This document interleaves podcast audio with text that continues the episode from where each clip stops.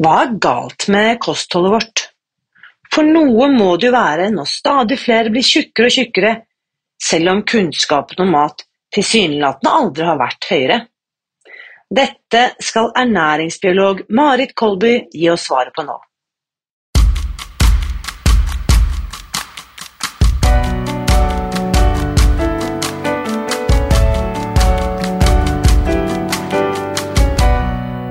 Mitt navn er Irina Lie. Jeg er journalist og forlegger, gründer og sosial entreprenør. I 2015 spiste jeg meg fri fra overvekt og fedme etter å ha slitt med vekt, kropp og følelser i nesten 30 år. Etter at jeg knakk koden, ga jeg meg selv et nytt oppdrag – å dele denne kunnskapen med alle som trenger det. I denne podkasten kan du derfor høre hele lydboken Spis deg fri. Den finner du ved å bla deg tilbake i arkivet og lytte til første sesong. Hver uke inviterer jeg nå gjester som gir deg påfyll til hodet, hjertet og magen. For min visjon er å endre Helse-Norge, og det får jeg ikke til alene. Du bidrar ved å abonnere på podkasten, skrive en omtale i iTunes tipse meg om hvem jeg burde invitere hit. Da setter vi i gang med ukens episode. Mitt motto er jo at gode nyheter er skapt for å deles. Og denne uken har jeg en skikkelig god nyhet som du kanskje har fått med deg allerede.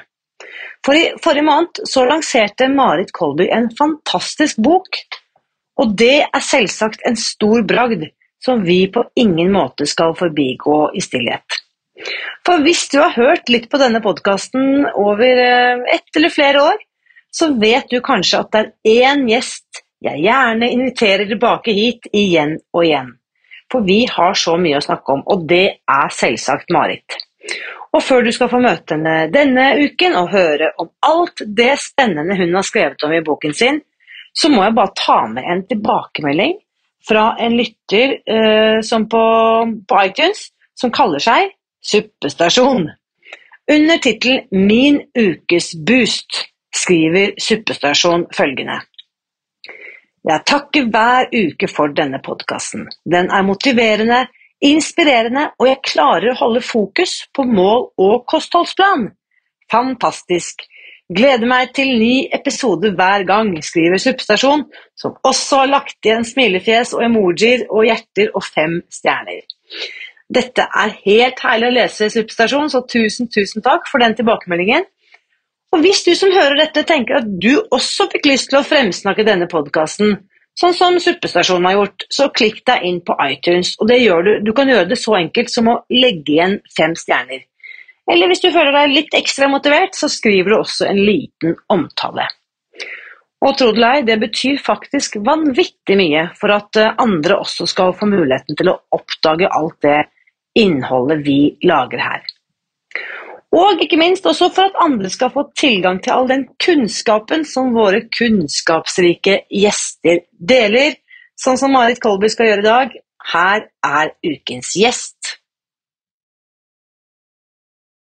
Kjære Marit, velkommen tilbake til podkasten. Ja, tusen takk, Irina. Alltid veldig hyggelig å være på podkasten din. Altså. Ja, for det kan jo du si med rette, for du er jo den gjesten som har vært her oftest. Ja, det, det er ikke dårlig. Det får jeg ta som et, eh, et kompliment, da, eller et tegn på at jeg har noe å bidra med, siden jeg ble invitert tilbake. Ja, Men nå var det jo egentlig jeg som inviterte meg selv. Nå inviterte du deg selv, ja. og jeg ble kjempeglad i å høre anledningen til hvorfor du ville komme tilbake på denne fantastiske podkasten En vakker sommerdag 2022.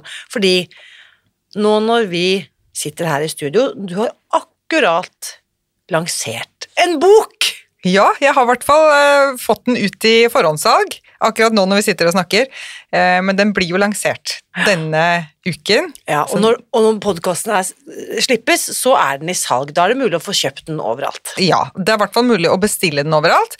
Uh, det er jo nå engang sånn i bokbransjen at det er ikke alle bøker som automatisk kommer i de store haugene fremst i bokhandlene, men det går an å bestille den, og det går an å bestille den på nett. Og, ja.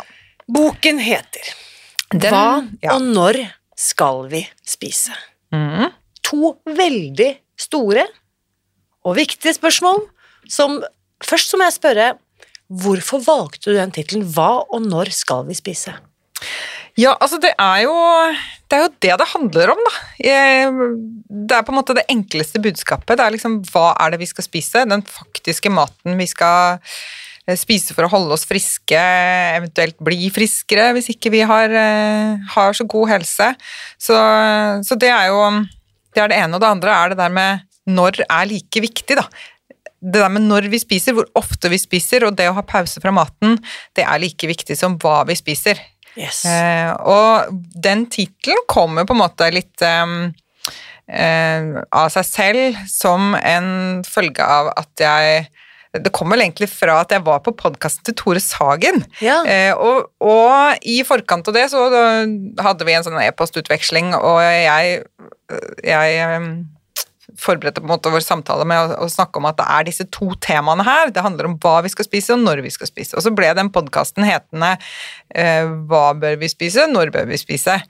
Em, og, så, og det traff en nerve, og da nådde jeg ganske bredt ut med den podkasten til folk som ellers ikke har fulgt meg. Eh, og da skjønte jeg at her, eh, her ligger det et veldig stort potensial. Her er det veldig mange mennesker som er sugne etter den kunnskapen. Så når det da etter hvert eh, fikk tilbud om å skrive bok, eh, og skulle lage en prosjektbeskrivelse, så ble da den tittelen eh, Den ble 'Hva og når skal vi spise?' Og så har vi vært mange runder ute på viddene og testet utrolig mange andre varianter av Ja. titler for å bare hele tiden komme tilbake til denne tittelen, for vi syns at altså både jeg og forlaget syns at ja, men det er jo dette det handler om, Yes. i bunn og grunn. Hva og når skal vi spise? Så, eh, her må jeg bare, Apropos Tore Sagen, kred til eh, Tore Sagen sin podkast, fordi det var takket være Tore Sagen sin podkast at en lytter som hadde hørt din samtale med han, som tipset meg. oh, ja. Og det er jo faktisk eh, Det var vinteren 2019-2020. Nei, ja, det var 2020. Det var, Det var 2020? eh, februar 2020, var det. Ja, og jeg ringte jo deg med en gang. Ja, Og så vi møttes jo første gang for over to år siden. ja det stemmer. Våren Mm. 2020, da, eller vinteren våren 2020. Nå prøver jeg helt desperat her å multitaske og finne deg Finne episodenumrene, for du har vært med tre ganger, i hvert fall, i denne podkasten. Ja, eh, det har jeg. Jeg husker heller ikke disse Nei. Men det, det er bare å gå på Spotify eller iTunes eller eh, Google Play og søke på Marit Kolby og Spis deg fri, så kommer disse opp. Mm. Eh, vi har snakket om tidligere, bare for å si at um, Det du kan finne i arkivet, episode 34. Det er om faste, tarmhelse, søvn og autofagi. Der var vi veldig grådige. Da, Ja, der- vi, da gapet vi over mye. Ja, vi gjorde det. Eh, fantastisk episode. Eh, igjen, ikke sant? her bare sånn helt skamløs selvskryt av oss to. Fantastisk viktig at alle hører episode 34. Eh, blant annet i det spørsmålet, i den podkasten, så svarer vi også på spørsmålet er det sant at søvn har noe å si for vekten vår. Mm. Da må man gå til spisdegfri.no 34. Eh, Vi har også snakket om ultraprosessert mat. Vi hadde en hel episode om ultraprosessert mat. Og dette er jo også temaer du skriver om masse i boken. Ja, det, det er det, og det er jo noe av det som er eh, essensen i dette hva skal vi spise. Eh, så handler det om forskjellen mellom ultraprosessert mat, som er da den mest prosesserte industrimaten, eh, og, så, og motsatsen til det, som jo er råvarer, råvarer og minimalt prosessert mat. Det er på en måte helt i andre enden av skalaen. Yes. Og så skriver jeg da mye om hva er egentlig forskjellen på de to? Hva er det som skjer når man spiser det ene, hva er det som skjer når man spiser det andre? Eh, hva er det som karakteriserer disse forskjellige typene mat? Eh, og, også da hvordan det påvirker oss, for vi har jo ganske mye forskning på det nå. Hva skjer hvis man spiser mye av det ene eller det andre? Eh, og der er det der er det ganske store effekter, og, vi har mye god dokumentasjon nå. Så, så dette med ultraprosessering er jo et har blitt et veldig hot topic, for å si det på dårlig norsk. det er et veldig aktuelt tema. Det er bedre. Eh, Så, så jeg merker en veldig stor interesse for det Yes. nå. Det, er- det har skjedd utrolig mye på de to årene siden vi begynte å snakke om dette her Yes. første gang, til nå. Um, så, så nå er det på en måte et begrep som veldig mange flere er kjent med, og som, eh, som mange, veldig mange flere orienterer seg etter, da, og velger mat ut fra litt andre kriterier enn det de gjorde før, kanskje. Da har jeg lyst til å si sånn Du hørte det her først. På podkasten. Ja, kanskje det var Tore Sagen som var først. Ja, ikke sant? Eh, Nei, det var noen som var før det også. Det var faktisk ja, noen som hadde hanket tak i meg tidligere enn det også. Ja og, eh, ja, hvor jeg snakket om dette her på, på podkaster. Så Yes. Nei, og det som jeg tror da, er at eh, veldig mye av den kunnskapen ikke sant? Vi tenker jo sånn Å, dette har jeg aldri hørt, for dette må jo være helt nytt. Men saken er jo Dette har vi jo egentlig visst, veldig mye av det vi snakker om. mm. Har noen visst veldig lenge. Og så er det kanskje så tenke sånn Men hvem er det som tjener penger på at denne kunnskapen kanskje ikke kommer så bredt ut? Ja, og så er det jo Det er jo noe med at eh, det blir sett på på en måte dette med, med mat laget fra bunnen av, fra råvarer og sånn, blir på en måte sett på noe som noe litt sånn nostalgisk, og så har man ikke verdsatt den faktiske kunnskapen som ligger i det, da, eller den faktiske forskjellen som ligger i det. eh, Og tenkt at ja, men dette handler bare om ja, tradisjoner og nostalgi, og det spiller ingen rolle hvem som lager maten vår, enten det er industrien eller om den blir laget hjemme, men så er det greia at industrien lager maten på en veldig annerledes måte, så det blir ikke det samme. Kan ikke sammenlignes. Eh, Kan jeg bare nå eh, Hva er det de sier på amerikansk? I'm gonna digress. Altså her må vi få inn litt digresjoner. Ja. Jeg må bare fortelle, komme her nå, skryte litt av meg selv. Jeg har begynt å koke kraft. Har du det? Gratulerer. Det er på et eller annet sånn stadium i den utviklingen, altså når man finner tilbake til råvarene og sånn, så kommer disse tingene naturlig. Da begynner man å kjøpe hele kyllinger og liksom spise og langsteke den, rense den for skinn, ta vare på beina og skinnet, koke kraft. Så begynner man å bake brød. Surdeigsbrød, for eksempel. Det gjør ikke jeg, da, siden jeg Nei. ikke spiser mel. Nei. Men jeg kunne fort ha vært eh, på surdeigsbrød. Ja, ja, ja. Men det er ofte en sånn eh, Det er en slags sånn reise mange går, og man trenger ikke eh, å, å gå den hele veien, men det er veldig mange som ender opp i det, og som finner mye livskvalitet og glede i å gjøre det, da. Ok, men nå, siden det bare er du og meg her nå, bare skal jeg fortelle deg en innrømmelse nummer må bare spørre, koker du kraft? Ja, jeg gjør det. Ja. Og jeg sparer på sånn Hvis jeg har spist noe kylling og sånn og ikke har tid til å gjøre det der og da, så slenger jeg disse beina i fryseren. Ja. Og så når jeg har en eh, stor pose i fryseren, så koker jeg kraft. Så det er ikke sånn at man må liksom være en sånn slave av disse rutinene hver eneste gang man har eh, ja, God, vet du hva, jeg må bare si, fast, eh, kraft er fast food. Ja. Det, det er slow cooking av fast food, for dette, når du først har den kraften, ja.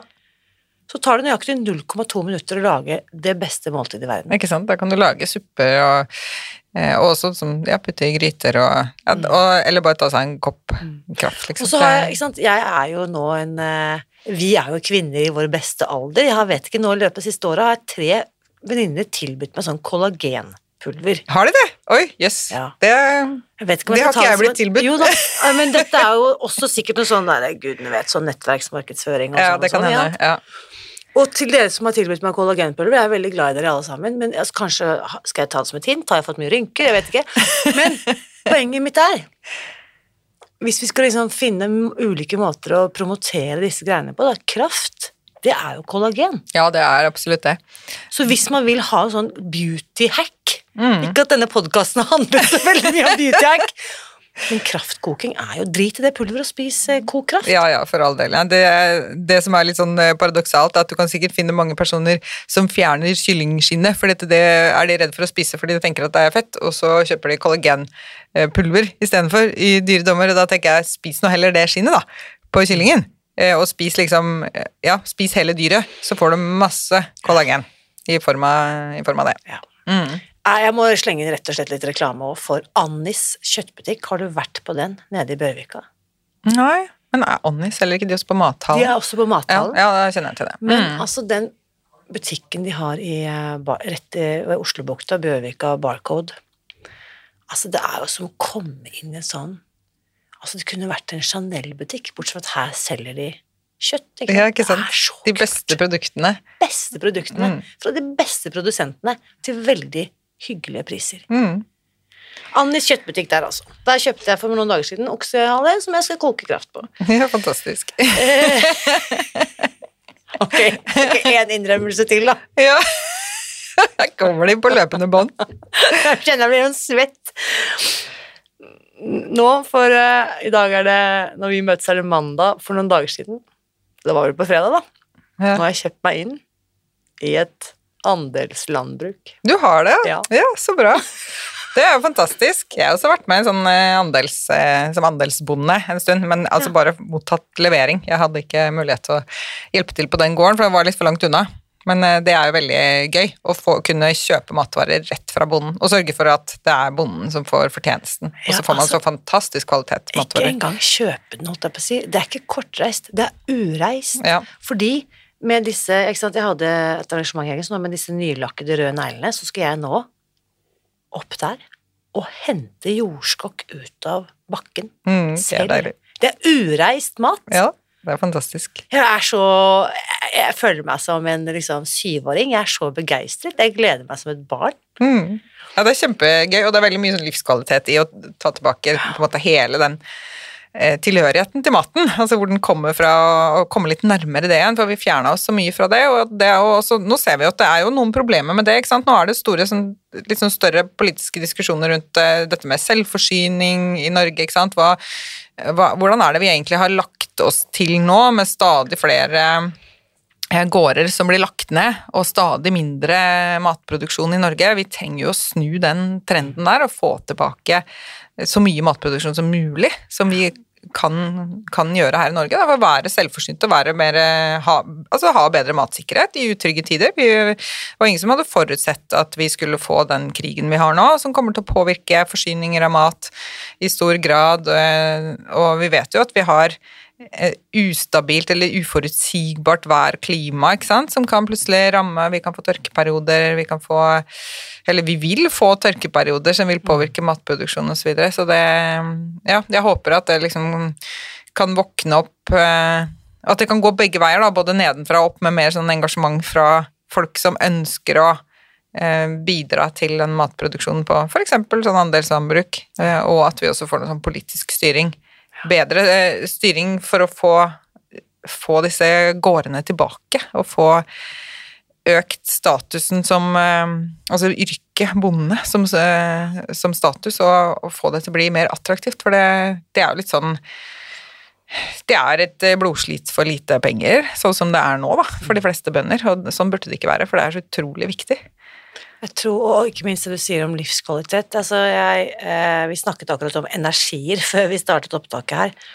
Og jeg tror ikke det går an å overvurdere verdien av å være på ekte jord, land, altså på, på ekte land, landmark, liksom. Ikke asfalt, ikke marmor, ikke stein, men at du faktisk eller sement, men at du er i ekte natur.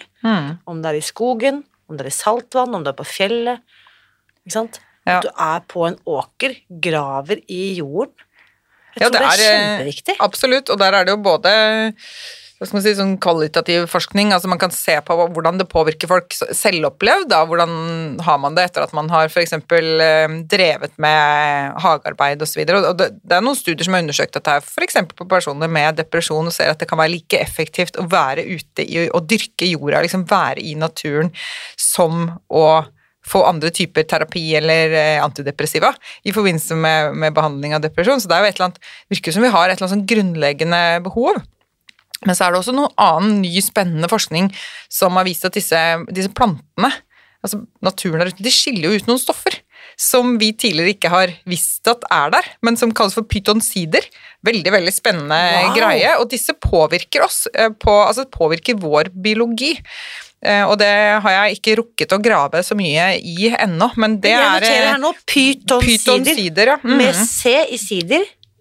Eh, ja, det er nok eh, det. Er nok det. Ok, da kan jeg herved- Python-sides på Python sides, så her kan jeg bare kunngjøre at i løpet av et år eller to så kommer Mari tilbake og snakker om pytonsider på Ellers har jeg skaffet deg en eller annen som kan snakke om det, for jeg, jeg vet om et par stykker som har satt seg godt inn i det. Kult! Ja, så det er veldig Ja, veldig spennende, men i hvert fall de, disse molekylene her da, de har en påvirkning på vår biologi, og det kan jo det kan på en måte underbygge med en biologisk forklaring hvorfor man føler seg så bra av å Yes. være ute i naturen, for det, Ja. de færreste går vel ut i skog og mark og tilbringer tid der og tenker dette var jo ikke noe særlig deilig, eller nå føler jeg meg dårligere, altså man føler seg, Yes. man føler seg bedre av å være ute i naturen. Og så er vi forskjellige, ikke sant? I forhold til mat, i forhold til pust, i forhold til skog.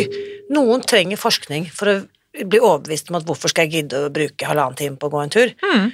Og kanskje vi da, hvis nå forskningen kan bringe dette frem, med disse pytonsidene eksempel, så er det supert hvis vi da kan få noen av de hodestyrte menneskene som kanskje trenger det mer enn mange andre, Mm. hvis de også kan bli lokket ut i natur fordi at det er bra for eh, enten det nå er rynkene eller serotonin eller dopamin eller adrenalin eller hva det måtte være. Og også for å liksom opprettholde den eh, viktigheten av å bevare grønne lungene og sånn, ikke sant? At ikke vi skal bygge igjen og tette igjen alt Ja. i byene, at man skal faktisk prioritere å ha store grøntområder, at det er Yes. viktig for helsa vår, og at ikke det er, igjen er noe sånn derre eh, føleri som, eh, som noen går rundt og syns, men at det faktisk er noe som vi kan dokumentere, da.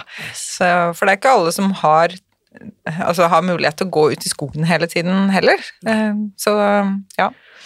Nå fikk jeg, fikk jeg plutselig en idé at, at jeg burde spille inn en podkastepisode i skogen. Ja, med sånne lyder Ja. og pytonsider. Mens Med du sniffer ja. pytonsider. Nå blir nå er begynner det å nærme oss radiodokumentaren. Ok, eh, la oss eh, digress... Nå sporer vi, sporer vi godt, Godt tilbake. Nå er jeg, nå som du ser, sitter her med boken foran meg. Hva og når skal vi spise? Skrevet av Marit Kolby, som er dagens gjest. Um, vi har spolt oss frem for veldig mange av disse temaene i boken. Noen av dem har, du skriver helt fantastisk godt. Det er morsomt, og det er mye også Du deler også noen av dine egne erfaringer, som vi også skal komme inn på. Mm. Um, vi har i hvert fall nå eh, Jeg har spolt meg helt, holdt jeg på å si, bladd meg helt tilbake til kapittel 12, som vel er bokens siste kapittel, Ja, det stemmer. til deg som har blitt overvektig. Mm. Og jeg vet jo, og du vet jo, at mange av de som hører denne podkasten, er i denne kategorien, Eller har vært der. eller har vært der. Mm. Og først må jeg bare si tusen, tusen takk, Marit, for at du med din klokskap og din fagbakgrunn skriver så Hvilket ord skal jeg bruke? Ikke-stigmatiserende og kjærlighetsfullt til denne eh, gruppen mennesker. Mm. Det mener jeg virkelig. Fordi øh, Og det liker jeg. ikke sant? Hele gjennom hele boken så er det på en måte en faglig sånn ydmykhet. Du påstår ikke bastant at du nødvendigvis vet eller kan alt. Nei, jeg håper ikke det. Altså, jeg prøver å ikke gjøre det. Jeg prøver å stille spørsmål ved det vi ofte fremhever som sannheter, når jeg mener at ikke vi kan si at det er sånn nødvendigvis. Så ja.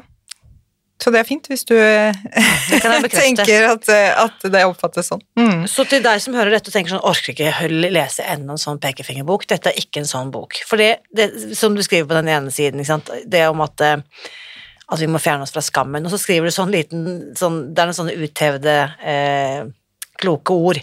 Og så skriver du her, de som egentlig burde skamme seg, er de som anbefaler, eller befaler overvektige å telle kalorier og trene mer. Mm. Og der er jeg jo så enig. Mm.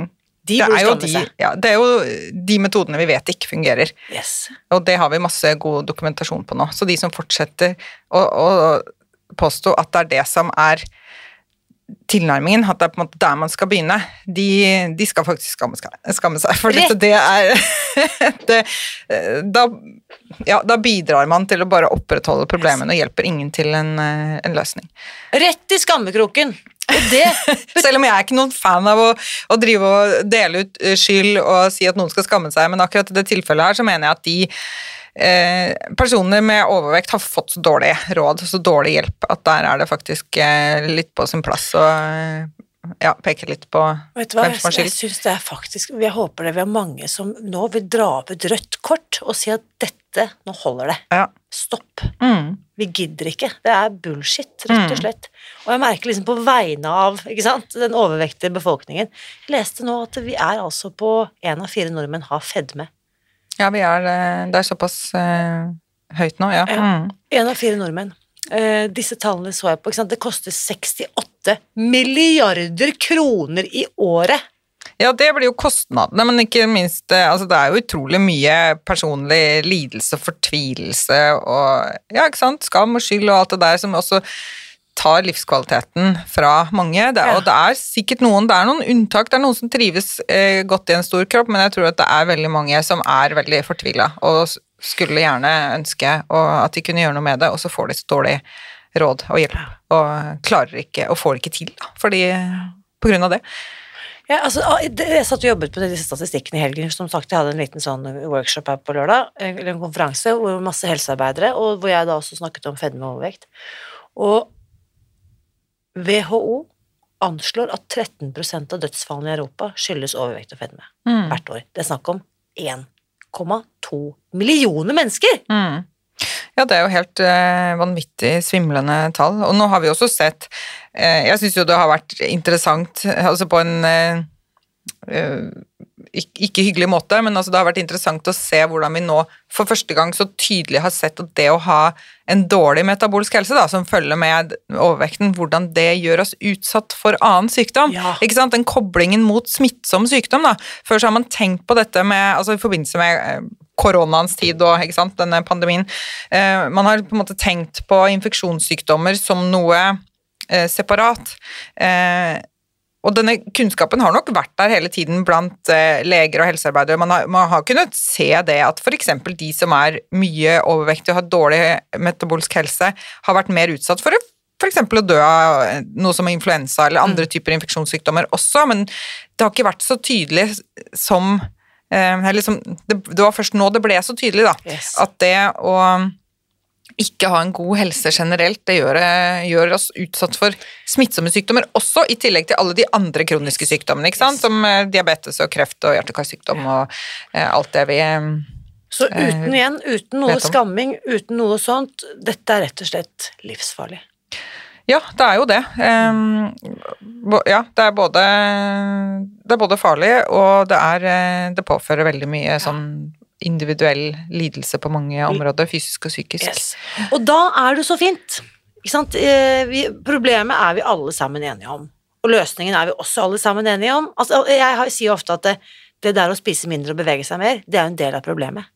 Det Ja. er faktisk det som er en del av problemet. Mm, Ikke bare opprettholder det problemet, men det øker problemet. mm, det gjør det.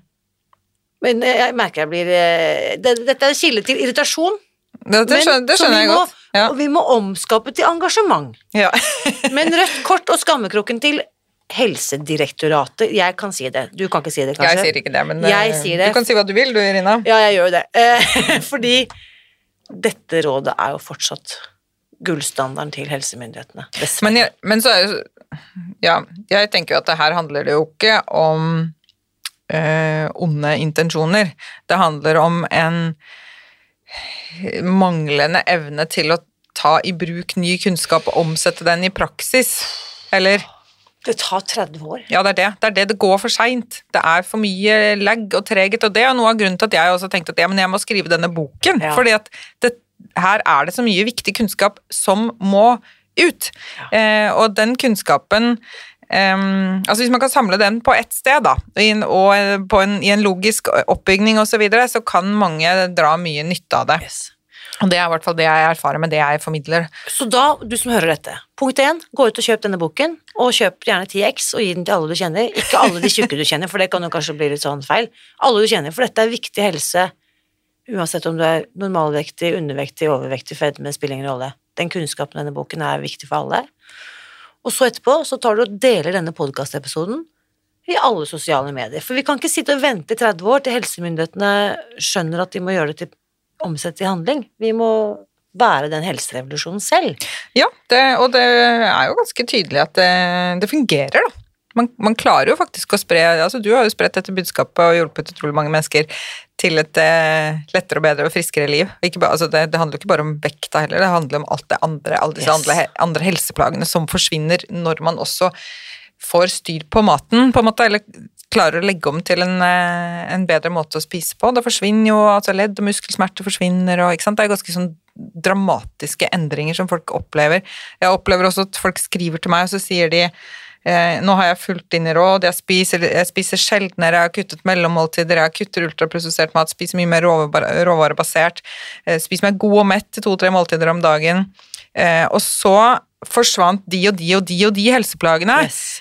Og så til slutt så sier de sånn Oh, by the way, så har jeg kvittet meg med disse tolv kiloene jeg har slåss mot hele livet. De bare forsvant av seg selv når alt det andre eh, Når man fikk styr på maten og måltidene. Og akkurat som om den vekta som hadde hatt, fått veldig mye plass før, og kanskje vært veldig sånn langt framme i bevisstheten, da ble ikke det så viktig lenger. Eller det var, det var bare en positiv bieffekt, for alt det andre Yes. som man ikke visste var kobla også mot maten, det løste seg også. Så det er det, det, må være utrolig mange mennesker der ute som går rundt med mye sånne diffuse plager og lidelser. De går rundt med lette muskelsmerter, de har hodepine og migrene, de har, føler seg uopplagt, de sover dårlig, eh, dårlige energinivåer, og det er så mye sånt som til sammen gir så mye uhelse, men som er så vanskelig å sette fingeren på. Hvor kommer dette her fra? Hva er, hva er det for noe? Hva skal jeg gjøre med det? Og så vet vi jo at dette er jo sånn Det er jo nesten håpløst å komme til legen sin og, og si at jeg jeg har lite energi, og jeg, mm. jeg, verker i ledd og muskler, og jeg sover dårlig, og hvor, hvor skal den legen begynne hen, på en måte? Kanskje legen da kan bare gi pasienten to bøker. Her, og når skal du spise boken? Og når du har lest den, så kan du lese Spis deg fri-boken. Ikke sant. Hensynsløs eh, reklame, reklame, for bøkene våre her, men det ja. må vi jo få lov til. Ja, men altså, jeg syns at eh, det er det som burde stått på nettsidene til disse offentlige helsemyndighetene òg. De burde ha satt opp en bok, litteraturliste som du har sagt sånn dette vet vi av eh, anekdotiske bevis at mange har hatt bruk for. Den, altså, det kan være Berit Nordstrand, det kan være Fedon, det kan være Spis deg fri, det kan være Marit Kolby. ikke sant? Så kan man i hvert fall peke folk i en retning. Ja, men det er nettopp det som Helsedirektoratet ikke gjør. ikke sant? Jobber jo ikke med anekdotiske Nei. Et, ja, stedet, evidensgrunnlag, og det, og det, er kanskje riktig også, eller det, det kan de jo heller ikke gjøre. ikke sant? Og da kosta den 30 år. Ja, ja, for så vidt, men problemet er jo at vi ikke som hva skal man si, i forskningen klarer å ta tak i slike trender. altså Når man ser at ja, her er det masse masse anekdoter. Her er det f.eks. veldig mange mennesker som oppgir at når de begynte å spise annerledes, kuttet den ultraprosesserte maten, begynner å spise råvarebasert, spiser sjeldnere, kutter mellommåltider osv., så, videre, så forsvinner ledd- og muskelsmerter. Da bør det jo våkne noe sånn nysgjerrighet. nysgjerrighet. Hvorfor skjer dette her? Dette må vi forske på. Få satt i gang noen studier og liksom få den kunnskapen inn i de formene som gjør at vi kan si at ja, men dette er dokumentert. Her har vi kunnskapsgrunnlaget, så kan vi gi de anbefalingene. Eh, jeg syns det er for lite eh, av den nysgjerrigheten der. Og det er altfor mange sånne viktige studier som ikke blir gjort. Og det har kanskje noe med finansiering å gjøre. Det er ikke så lett å få finansiering til til slike typer studier hvor ikke det er noen som skal profitere i en eller annen ende, ikke sant. Eh, så, men, eh, men, der ligger noe av problemet, da. Jeg har faktisk tenkt på Dette her var for noen år siden, så vurderte jeg å skape, starte en kronerulling. For jeg hørte at man trenger seks millioner for å Kjøre en studie? Kjøre en doktorgrad. Ja. Så tenkte jeg jeg tror at vi skulle klart å fundraise seks millioner. Og den ideen har jeg faktisk aldri helt sluppet taket på. Nei, det, du får holde på den. Det... Men jeg mener helt seriøst. Hvis noen som hører dette, syns at det er en god idé, så gå inn på Spis deg fri-siden på Facebook, på podkast-siden vår, og så skriv en tilbakemelding på denne episoden med Marit, som du finner der inne. Jeg mener det helt seriøst. Jeg tror seks millioner skulle ha klart å fundraise på rekordtid, og jeg har masse studenter mm. som er interessert i å De går på bachelorstudier eller andre på en måte lavegrads folkehelsestudier i dag. Mm. Og så hvis vi hadde visst at om tre millioner så har vi en pott på seks mil Altså, vi, må være, vi, vi, må jo være strategiske, vi òg. Vi ja, som da, jobber det er, med det er måte, mulig. Kall det det alternative helsefeltet. Dette er alternativt, det er jo bare rett og slett provoserende å tenke på. Dette er jo dette som er helse. Mm. Det er jo på en måte skolemedisin som burde vært alternativet. Så, men da må man få knyttet seg til seg en, en gradsgivende institusjon og ja, ja. veileder og sånn. Men det er, det er mulig å få til sånne ting. Altså, det er jo ofte finansieringen som stopper, ikke sant. Ja. Så hvis man har finansiering på plass, så burde det absolutt være mulig å kjøre en sånn eh, studie. Men, og du har jo vært involvert i dette samarbeidet sammen med. Ja, ikke sant. Eh, og jeg tenker at det hadde også vært en interessant Eller det hadde vært en fin vinkel inn, da, å se at der så vi noen veldig positive resultater, og bygge videre på det. For der er det jo fagpersoner som har vært involvert og så videre, så Jeg kan avsløre. Mellom deg og meg, da, siden det bare er oss der nå.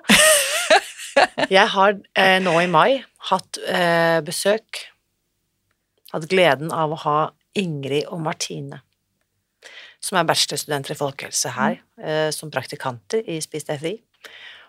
Og de har gjennomført en oppfølgingsundersøkelse av de som deltok på revmatikerstudiet vårt for ett år siden. Så spennende, ja. De har, as we speak, sendt meg rapporten mm. med oppsummeringen av den, eh, alle de telefonintervjuene. Jeg har ennå ikke lest rapporten. Nei. For det er tidlig mandag morgen når vi sitter mm. her. Men den kom til meg eh, nå. Så det jeg i hvert fall har fått med meg, for jeg har jo snakket med dem underveis, det er utrolig mange som fortsatt, ett år etter, Mm. har fantastiske resultater av det prosjektet som het Smertefri sammen, som vi hadde i Ja. vår. Ja, Kjempespennende. det er Er vi- dette gode nok data til at det går an å skrive det sammen og publisere det, tror du? Det vet jeg ikke, Nei. fordi at vi er jo, ingen av oss er jo forskere, men vi har gjort så godt vi kan. Mm. Men det er i hvert fall data. Mm. Eh, så det er det det er, og det er jo egen Hva er det vi kaller det i forskningen da? Eh, egenopplevd erfaring, ikke sant? Mm. Eh, men det er de samme spørsmålene vi hadde i fjor, med smerte for 1 til 10 og Ja. Så vi har lagt oss så tett opp til eh, på en måte de spørsmålene vi utarbeidet i samarbeid med Revmatikerforbundet. Ja. Så jeg har eh, Det er mulig at dette er publiserbare data. Mm. Men jeg, problemet mitt er at jeg er ikke forsker. Så jeg, jeg, jeg kan gjøre mye, men det er et eller annet Ja, sted nei, men der igjen går det an å eksempel eh, se om man kan få til et samarbeid med et masterstudium, da. eh, Masterstudenter. Det er jo eksempel eh, master i folkehelse, eller den, den heter vel noe annet. Den ja, livsmestring og Det er et eller annet langt navn. Ja, på Universitetet i Oslo eksempel, der eh, vet jeg at der, eh, der kan man eh, forme disse masteroppgavene i stor grad selv, og, så, så det kan hende at noe av det hadde vært interessant for, for dem eksempel, men også for de som studerer ernæring. Det er jo bare å kontakte de som er eh, ansvarlige for Kanskje du har noen studenter du kan koble meg opp mot, eller? Ja, kanskje vi må snakke mer om dette her, Irina. Eh, ok. Dette er poenget. Å gå ned i vekt, og det kan vi jo bare slå fast med en gang. Det finnes ikke én metode som funker for alle. Nei. Og det er jo kanskje, det er også noe av problemet, ikke sant? At det fremstilles som om det finnes Ja. én universal metode som skal funke for alle, og det er den som er godt dokumentert at ikke fungerer. Så det er jo eh, Ja, det er, det er jo ikke noe å le av, egentlig. Det er jo bare dypt tragisk. Ja, ikke sant? Mm. Så har du jo, ikke sant, eh, i dette kapittelet også, kapittel 12 i boken din, hva og når skal du spise? Eh, Så har du også sett på dette med forskjellen mellom lavfett og lavkarbodietter, for det er Mm. også en sånn tilbakevendende hva, hva er best, å kutte karbo eller kutte fett? Ja, ikke sant? Hva er den beste vektreduksjonsdietten? Ja, hva Mm. kan du si om det? Ja, altså mm, Det som er, eh, det som er interessant, er at den den striden der, den pågår jo Det er jo tilsynelatende en sånn evig kamp, det, ikke sant? For da har man en del som har bestemt seg for at eh, det å spise magert, lavfett, også kalorifattig osv., det er den beste fremgangsmåten for å gå ned i vekt, og så har du den andre, det andre ytterpunktet på en måte som sier at de, og de som bør gå ned i vekt, de bør, bør kutte mest mulig karbohydrater, spise lavkarbo, ikke sant? Og så, eh, så blir man aldri enige om hva som er riktig. og da var det jo Det har vært, vært utført masse studier på dette her. Men en særlig interessant studie som jeg viser til der, er en som, eh, som ble gjort i USA for noen år tilbake.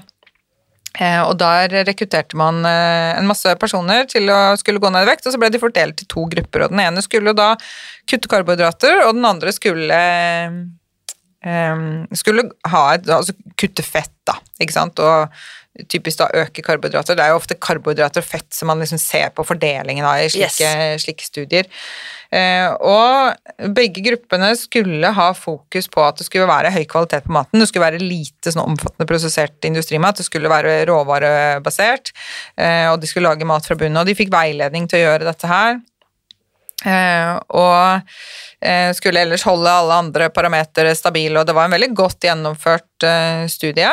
Eh, og så skulle de også undersøke effekten av forskjellige altså genetiske tilbøyeligheter da, som ville kunne påvirke resultatet. Men det som var interessant, var at etter ett år, som denne studien varte, så var det nøyaktig likt mellom disse to gruppene. Helt likt. Det var helt kliss likt. Det var akkurat like mye vektnedgang gjennomsnittlig Ja, i lavfettgruppa som i eh, lavkarbogruppa. og du skriver her I begge gruppene gikk deltakerne ned gjennomsnittlig fem til seks kilo i løpet av et år. Ja. Og dette her var jo da det var, altså De ble ikke, ble ikke bedt om å begrense energiinntaket, de skulle Nei. bare endre kosten sin. Så, så man kan liksom tenke at det var ikke så stor vektnedgang, det, men hvis du ikke på en måte prøver å gå ned i vekt, så er det jo allikevel en Ja, ja. vektnedgang. De fleste går opp fem-seks kilo i løpet av et år, Ja, så det er er sant? fint å gå ned fem-seks kilo. Mm. Ja, så det er jo veldig interessant. Men det mest interessante med den studien der, er jo hvis man går inn og ser på de individuelle dataene. Eh, Og den figuren der ble jo ikke vist i, i studien engang. Du må inn i det som heter eh, supplementary, eller sånn tilleggsinformasjon. Altså man må lete opp en tilleggsfil som ligger publisert et annet sted for å finne den Wow. mest interessante figuren. Og det er noe som kalles for et sånt eh, waterfall plot, hvor man ser alle de forskjellige individuelle endringene i vekt bortover på en sånn linje, og det man kunne se der, var at på begge disse kostholdene så var det noen som hadde gått ned 30 kilo, men det var også noen som hadde gått opp 10. Så gjennomsnittet Ah, ikke sant? si- ja? Og, og så ligger det masse, masse, masse forskjellige verdier imellom der. Så gjennomsnittet sier egentlig Ingenting. nøyaktig ingenting Yes. om hvordan disse diettene påvirker folk. Og hvis du da er en person som hadde veldig god respons på å spise eh, lavfett, da, og som gikk ned 30 kilo på den eh, dietten, la oss si du ble satt i den andre gruppa. Du ble tilfeldig tildelt, eh, fordelt til de som da skulle spise lavkarbo, og så var ikke det riktig for deg. Så kunne kanskje du endte opp med å legge på deg 10 kilo, og vice versa. Ikke sant? Og det, jeg tenker jo at det er noe av det som burde blitt fremhevet fra denne studien her. Folk er forskjellige. Finn det som passer for deg. Yes. Og hvis du ikke blir hvis ikke du får på en måte kontroll på appetitten, hvis ikke du føler deg bedre, hvis ikke du merker at ja, men nå, nå fungerer kroppen, jeg blir mett til måltidene, jeg stresser ikke med mat, jeg, blir, jeg får ikke cravings altså hvis, hvis du ikke opplever det på det opplegget du er på, finn et annet opplegg. Yes. Og, og vi snakket jo om skammekroken i stad, for i det der lille highlighten som vi har allerede sagt at de som eh, burde skamme seg, er de som fortsatt eh, snakker om det å spise mindre og, og trene mer, men de andre som også burde skamme seg, det er de som du skriver her på side 171. Ikke lagre et personlig tilpasset opplegg til den som skal ned i vekt, basert på erfaringer og preferanser. Mm. Jeg vet ikke hvor mange som har kommet til meg og sagt sånn, Irina, sorry ass, jeg nekter å gi slipp på den kanelbollen. Ja. Altså, tror du spiste fri funk for meg? Da sier jo jeg helt Da kan ikke jeg si ja, selvsagt gjør det det, bare sett i gang. Det ville jo Mm. vært helt idiotisk. Ja. Hvis en person kommer og vet at jeg kommer ikke til å klare å gi slipp på kanelbollen, så vil jeg si kos deg med kanelbollen, finn en annen metode som funker for deg. Mm. For jeg tror jo at det er mulig å bli slank selv om du spiser kanelbolle. Ja. Jeg vet bare at jeg kommer aldri til å bli slank, eller opprettholde min normale vekt hvis jeg spiser kanelboller, for min hjerne funker ikke sånn. Mm. Så akkurat det du skriver her, vi er nødt til å lage personlig tilpassede opplegg Mm. for Kari og Ola og Marte og Marit og Irina og alle de andre. Mm. Og de fleste som er overvektige og som ønsker å gå ned i vekt, har prøvd. Eh, sikkert mange ganger. De fleste har gjort seg noen erfaringer. Og hvis man virkelig begynner å spørre om det, og grave i det, så kan man få mye nyttig informasjon, tror jeg. Altså, for, da har, eh, har man opplevd hvordan hvordan reagerte jeg på den typen mat? Eh, hadde jeg det bra da? Ble jeg, liksom, ble jeg desperat sulten og tenkte ikke på noe annet, eller hvordan hadde jeg det da? Jeg har også hatt folk som har skrevet til meg og sagt at ja, jeg prøvde å gå ned i vekt med et sånt og sånt kosthold eh, en stund. Det fungerte egentlig kjempebra, men så turte jeg ikke å bli værende på det, for dette, det er jo ikke anbefalt. Eh, ikke sant? Sånne type ting da, som kan stå i veien for det, at man liksom tror at ja, men det er jo det å spise mindre og telle, telle kalorier og trene mer som er den riktige metoden, så tør man på en måte heller ikke bruke andre metoder fordi at man er blitt innprentet at det, man skal ikke slanke seg sånn. Eh, så- Og det, jo, det blir jo forferdelig, eh, veldig uhensiktsmessig. At jeg tenker at eh, hva som helst som hjelper folk å oppnå det de eh, vil få til, og så kan man jo alltid måte, når man har nådd den trivselsvekten sin, så kan man jo se liksom på Nå kan jeg kanskje slakke opp litt, så se hvor er min eh, grense, da. Hva tåler jeg av utskeielser, enten det nå er en kanelbolle eller ikke sant, eh, slike ting. Sånn at man, eh, hvis man syns at det er veldig restriktivt, det opplegget man har gått på, da, så kan man se liksom hvor, hva er det som gjør at jeg kan bli værende på en sunn vekt, eh, og ja, Jeg få vil- det til over tid. Jeg vil slå et slag for uh, den sunne fornuft. Ja, det handler faktisk ganske mye om det. Og den sunne fornuft for meg, jeg kjenner min egen kropp. Vi Mm. har alle en intuisjon, selv Ja. om vi tror det ikke. Du kan kjenne i magen, kjenne etter hvordan føles dette for meg. How Ja. does it sit with me? Mm. Ehm, og da er det sånn at hvis, hvis det er sånn Men jeg kan ikke kutte ut sukker fordi Helsedirektoratet sier at jeg skal kose meg i moderate mengder. Mm. Stol mer på din egen magefølelse hvis du vet at du ikke klarer å, kutte sukker, eller klarer å stoppe hvis du først spiser. Ja. Drit i hva helse... Jeg beklager å si det, altså. Mm. Da må vi kunne stole på Vi må gjøre oss selv til autoritet i eget liv. Ja, absolutt. Man må, man må det. Eh, og der, der tror jeg det er mange som sitter på mye erfaring. Hvis de bare får hjelp til å systematisere det, og på en måte få det ned på papiret. Hva gjorde du? Har du, fått, har du klart å få dette til å fungere? Hva gjorde du da, når det fungerte? Yes. Eh, og særlig dette med det mentale. Hva, det du, hva var det du gjorde hvis du ikke stressa så mye med det? For det er, jo, det er jo ikke sånn at vi skal måtte trenge å hele tiden holde oss i skinnet, på en måte, og hele tiden jobbe mot den, med den Eller jobbe med å mobilisere viljestyrke. Vi klarer jo ikke det, vi mennesker. Vi er jo ikke skapt sånn, ikke sant? Og så eh, omtrent som at man liksom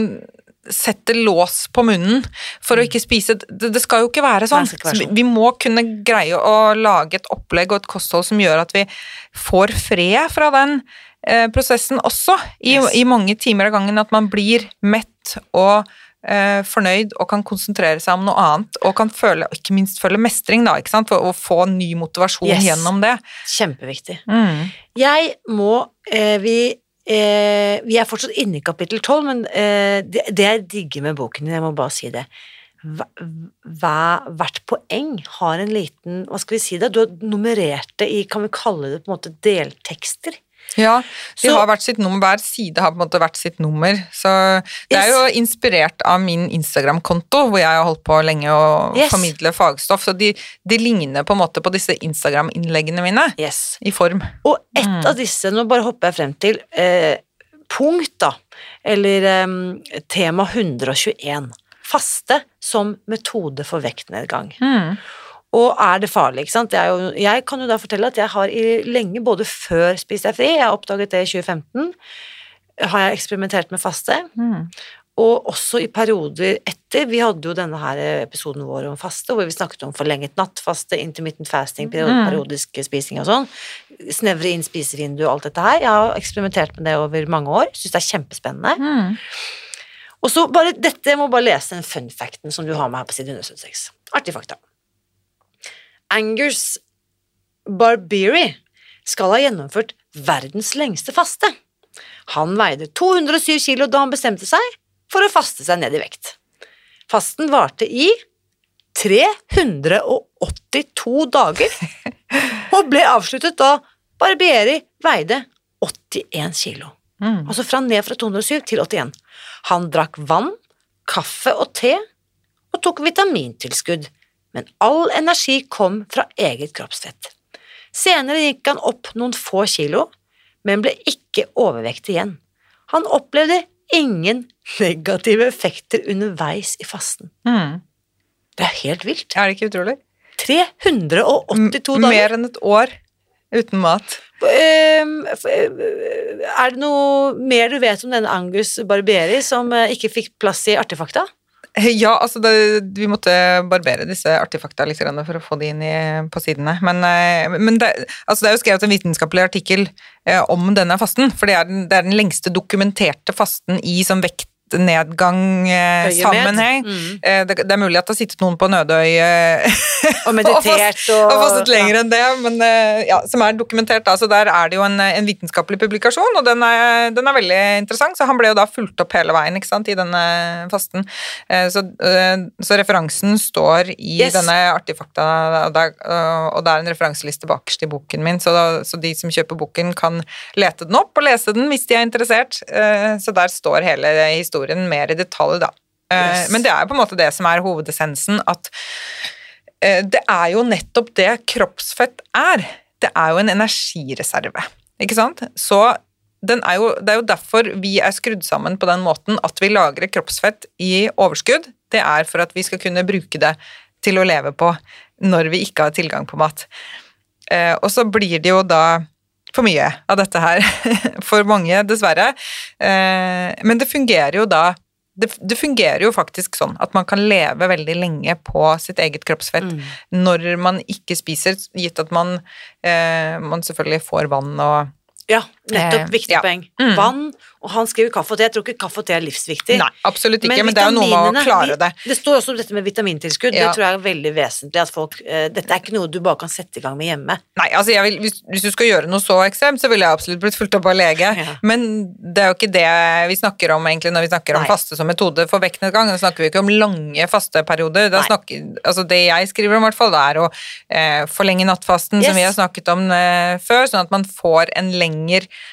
fasteperiode gjennom døgnet, og eventuelt introdusere noen hele eller halve fastedager, f.eks. Det er jo det vi kaller periodisk faste. Hvor man enten lar være å spise et døgn, f.eks., eh, eller spiser ett lite måltid i løpet av et døgn, f.eks. Og Ja. gjør dette med mer eller mindre jevne mellomrom ettersom hva man føler er riktig for en selv. Altså, en, en sånn diett hvor dette er satt i system, er det vi kaller for 5-2-dietten. Og det er jo ikke noe magisk med 5-2, altså da er det fem vanlige spisedager, og så er det to fastedager. Eh, og det er jo ikke noe magisk med det, men det er bare et opplegg som folk som er lett å forholde seg til. Ja. Ikke sant? Så to, to dager i uka faster jeg, resten spiser jeg vanlig. Yes. det er et, et opplegg man kan bruke. Og jeg tror det som er så kult, jeg håper i hvert fall at det, det denne podkasten kan bidra til, og ikke minst alt det viktige arbeidet du gjør, er at det, vi ufarliggjør det litt. Ja.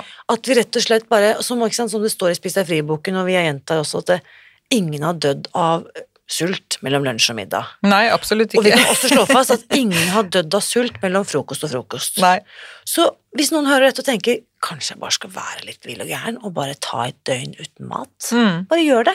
Man kan jo prøve det, men det som også er en greie, eh, er at man eh, øver, øver opp Ja, eh, evnen øver til opp. å Ja. faste. Et døgn, Så- ikke start med et døgn, Nei, jeg ville ikke begynt med det, med mindre man vet at ja, men jeg fungerer godt uten mat, ja, så er det ikke noe farlig. Men vi, der, har vi der er vi forskjellige, som i alt annet. Så jeg tenker at det er smart å kanskje begynne med å forlenge nattfasten litt, Yes. og så se på Ok, nå skyver jeg litt på frokosten, da. Se om jeg kan spise frokosten min eh, en time senere, hvis man er veldig eh, vil begynne veldig forsiktig, kanskje to timer senere, eh, og så tar man det gradvis. eh, Og så vil man, Mange vil finne ut etter hvert at det gikk jo faktisk fint å vente helt til lunsj.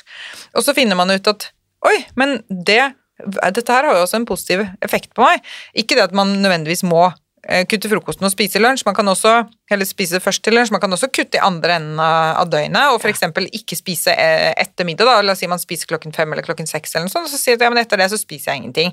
Kanskje jeg drikker noe urtete på kvelden eller Yes. et eller annet sånt, men, men kutter ut sånn at man kutter ut tidligere, sånn at man får en lengre nattfaste og et kortere spisevindu. Det er en måte å begynne å trene seg opp på, for det som skjer når man har da mer fasteperioder i døgnet, er at kroppen blir flinkere til å utnytte eget kroppsfett som energikilde, og gjør det uten at man føler at det er en eh, belastning. Og det kan ta noen, det kan ta liksom kanskje et par-tre uker før man er sånn godt tilpasset til det, da, at det fungerer veldig godt, og da vil veldig mange merke at ja, men nå fungerer dette her kjempefint, nå kan jeg liksom helt uten at jeg blir stressa eller negativt påvirket, eh, la være å spise. Jeg kan hoppe over måltider, jeg kan ta halve faste dager, jeg kan ta hele faste dager. Ja. Så trener man opp den evnen der sånn. Og det er jo det er jo veldig mange andre positive effekter med det også. For det, Yes. det er for det første så frigjør det tid. Hvis man spiser færre måltider, da får man mer tid, og den tiden kan man jo bruke til andre morsomme ting. Man kan jo være ute og bevege seg, f.eks. Man Gå kan dra på andelslandbruket og, Ja, og grave jorda. Det kan man gjøre, eller man kan bruke det også til da å tilberede kvalitetsmat til når man først skal Yes. spise, sånn at da har man på en måte det også eh, hatt styr på det, for det er klart at hvis du skal spise veldig mange måltider om dagen, og alle de skal ha veldig høy kvalitet, og du skal lage de fra bunnen og sånn, så det blir jo veldig tids- og arbeidskrevende.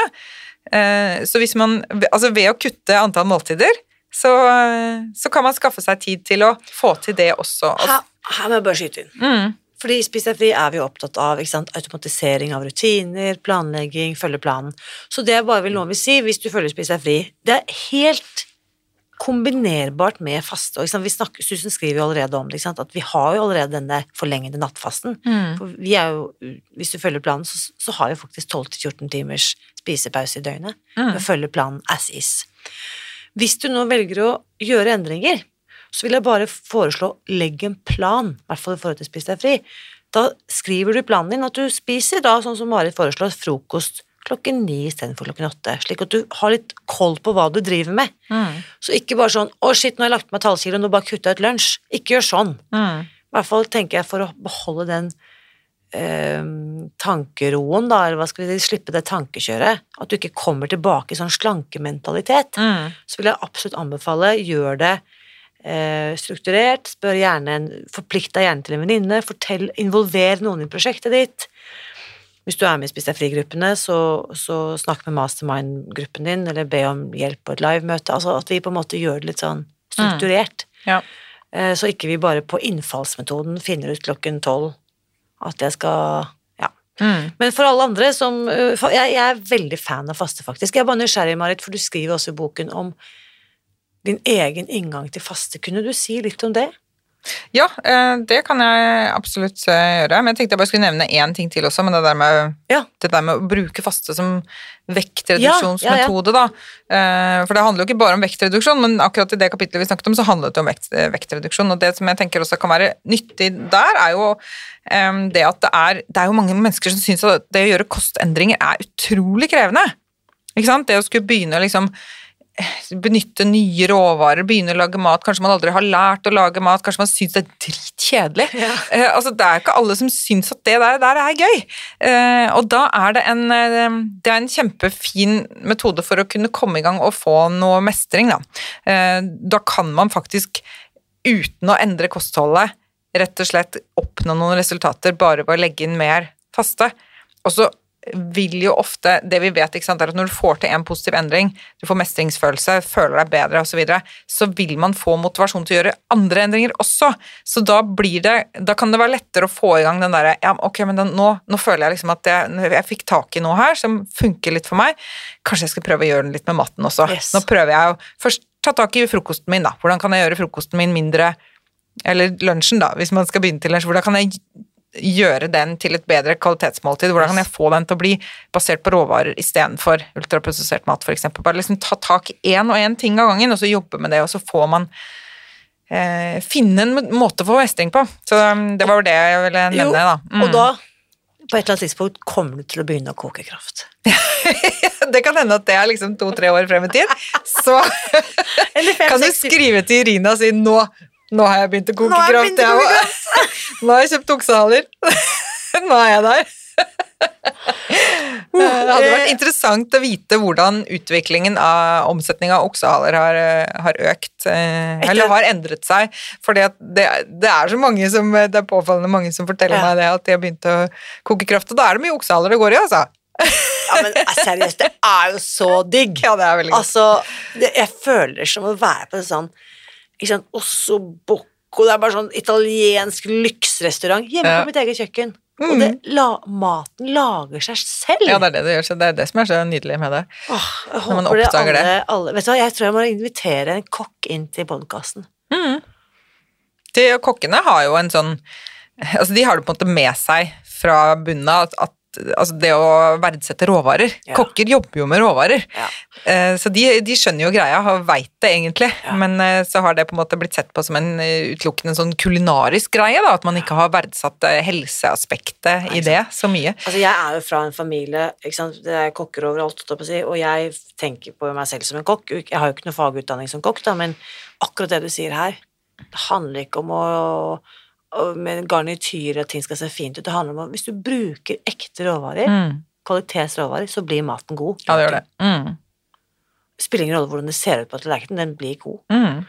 Så bare gjør det enkelt. Eh, eh, å koke kraft, det, det er så enkelt at hvis du kan koke et egg, så kan du koke kraft. Ja da, absolutt. Det, det er veldig enkelt. Eh, Men, vi, vi skulle snakke om min, om faste. Eh, vi skal eh, Jeg vil veldig gjerne at du bare forteller litt om det, Mari, for det er ganske Ja. sterkt å lese det du skriver om det i boken også. Ja, eh, altså jeg har jo jeg har, jeg har et sånn kranglete fordøyelsessystem. Jeg har eh, irritabelt tarmsyndrom, da. Og det har jeg jo hatt siden sånn, litt sånn IBS. IBS, ja.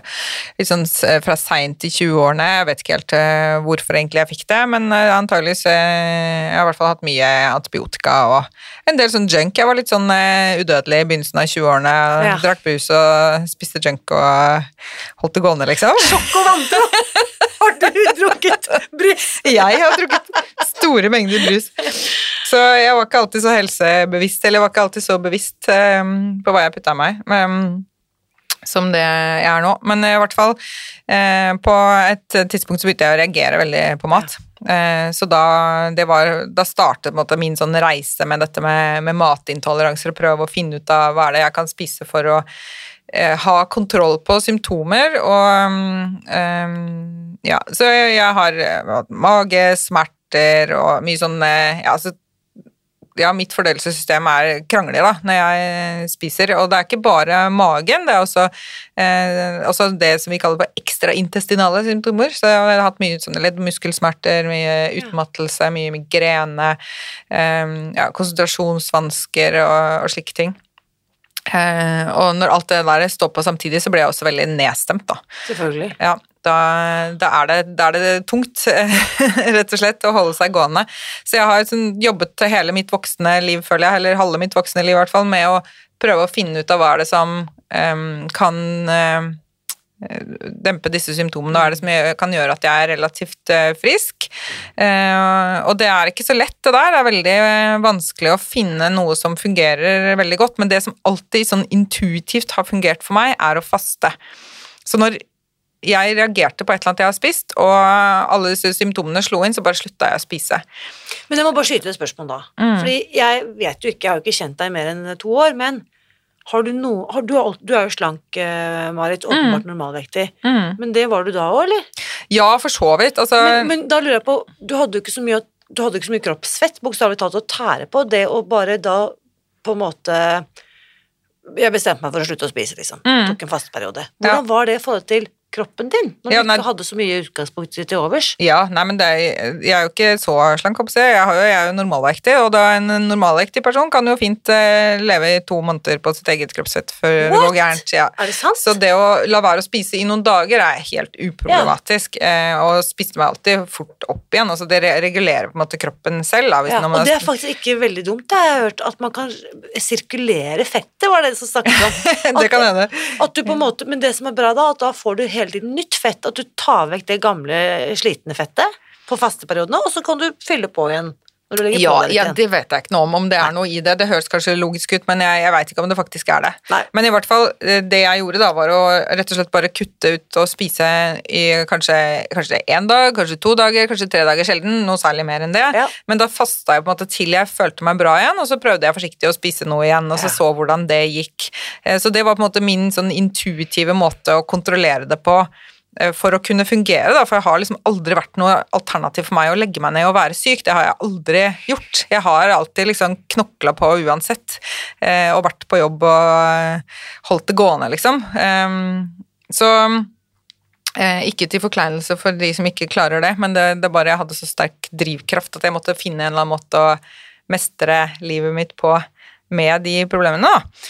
Eh, men så syns jeg veldig synd på meg selv ikke sant, når jeg gjorde det, for dette, det var jo før jeg fikk kunnskap om hvor bra faste faktisk er, hvor nyttig det er, og hva, altså hele biologien rundt dette her med faste. og jeg, jeg, hadde ikke noen kunnskap om det på det tidspunktet, så jeg tenkte jo at det var jo eh, at det var veldig synd på meg, eh, de rundt meg hauset det videre opp, og stakkars deg, og kan du ikke spise, å nei, hvor lenge skal du holde det gående sånn, å nei, uff og uff og uff, og det også forsterker den yes. følelsen at eh, jeg gjorde noe galt, på en måte, men men allikevel så gjorde jeg jo det fordi at det fungerte, og det var det eneste jeg på en måte kunne gjøre. Og jeg eh, bare vil skyte inn her, Du sa også at du intuitivt gjorde det. Ja. Du faktisk bare lyttet til hva kroppen fortalte deg. Ja, egentlig, fordi at hver gang jeg da puttet noe ned i magen, så fikk jeg jo reaksjoner med en gang. ikke sant? Det gjør vondt å få mat i magen, og ergo er det egentlig kroppen som prøver å fortelle meg noe.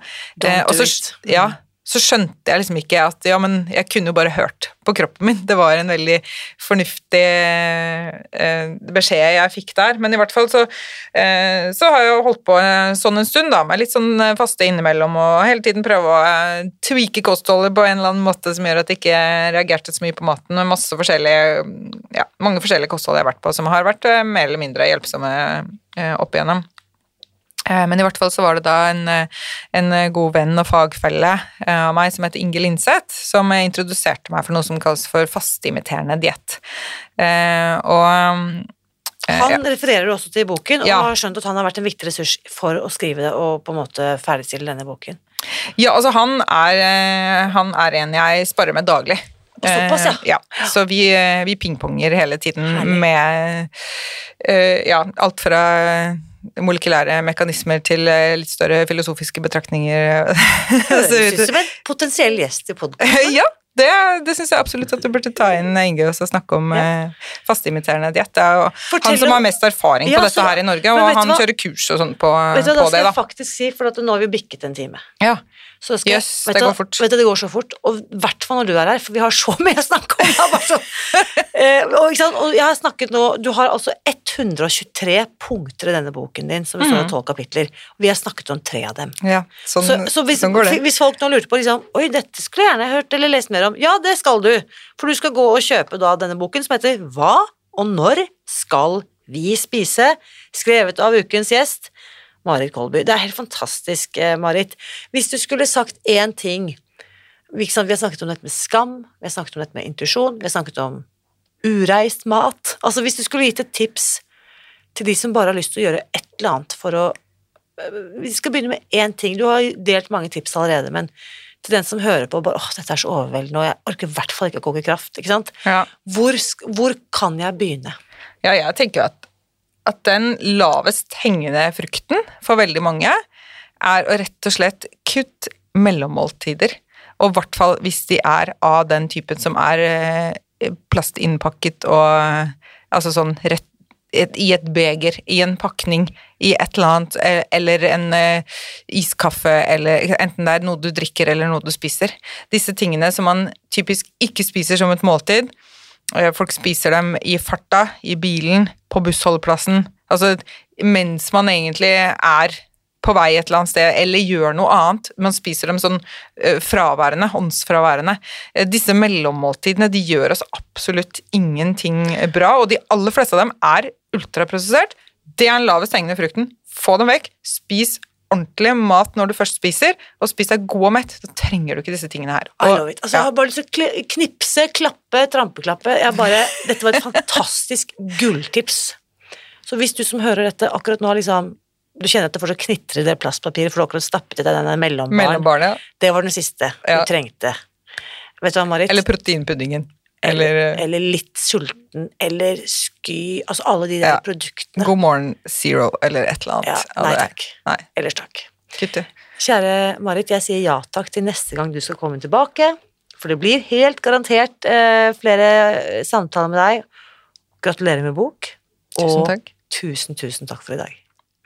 Takk skal du ha, Irna. Nå lurer jeg på hva tenker du etter å ha hørt min samtale med Marit i dag? Og er det noe av dette du fikk lyst til å teste ut i praksis?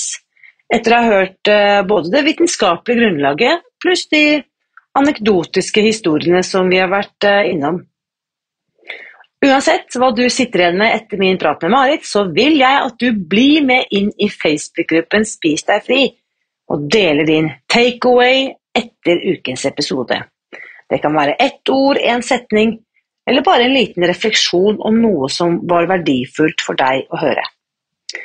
Og så til slutt, som du sikkert har fått med deg, så lanserte vi boken Restart tidligere denne uken. Den finner du nå i alle landets bokhandlere og på våre nettsider spisdegfri.no restartboken. Og så har jeg nettopp fått melding om at vi er så nære på å komme inn på bestselgerlisten eh, med denne boken. Så det betyr at hvis du nå skynder deg å bestille boken, så kan det ene kjøpet ditt være det bitte lille pushet som kreves for at vi skal rykke helt opp og inn på listen. Så hjelp oss med å få denne fantastiske boken ut til flere ved å klikke deg inn på spisdegfri.no og klikk og kjøp og lik og del. Ja, du vet, hjelp oss å spre dette viktige budskapet. For det er jo litt sånn Ingen av oss får til dette alene. Marit sin bok får ingen lesere hvis ingen av oss andre snakker om den. Og vår nyfødte restartbok er det heller ingen som får glede av hvis ingen anbefaler den. Tenk så tragisk det ville være. For disse bøkene vi snakker om her, det er bøker som endrer liv, og forbedrer helse, og som faktisk kan være den viktigste utløsende faktoren for at noen av oss kommer til å leve lengre og føle oss bedre resten av livet. Og Det første du kan gjøre, det er altså gå inn på spisdegfri.no og bestille boken. Og så er det det at når du bidrar til å dele denne viktige kunnskapen, og kunnskapsdeling det er jo gratis, så kanskje vi skal kalle det deledugnaden. Sånn som å gå inn på podkasten og sende ukens episode videre til noen du kjenner, eller skrive en omtale. Det er det som bidrar til at flere kan få det vi har fått. For husk også det at ingen av oss får jo til dette alene. Og når vi slår oss sammen, så blir det lettere og morsommere og enda mer engasjerende for alle oss som er med på reisen. Så vet du da at uansett hvem du velger å dele denne kunnskapen med, så vit at jeg heier på deg. Alltid.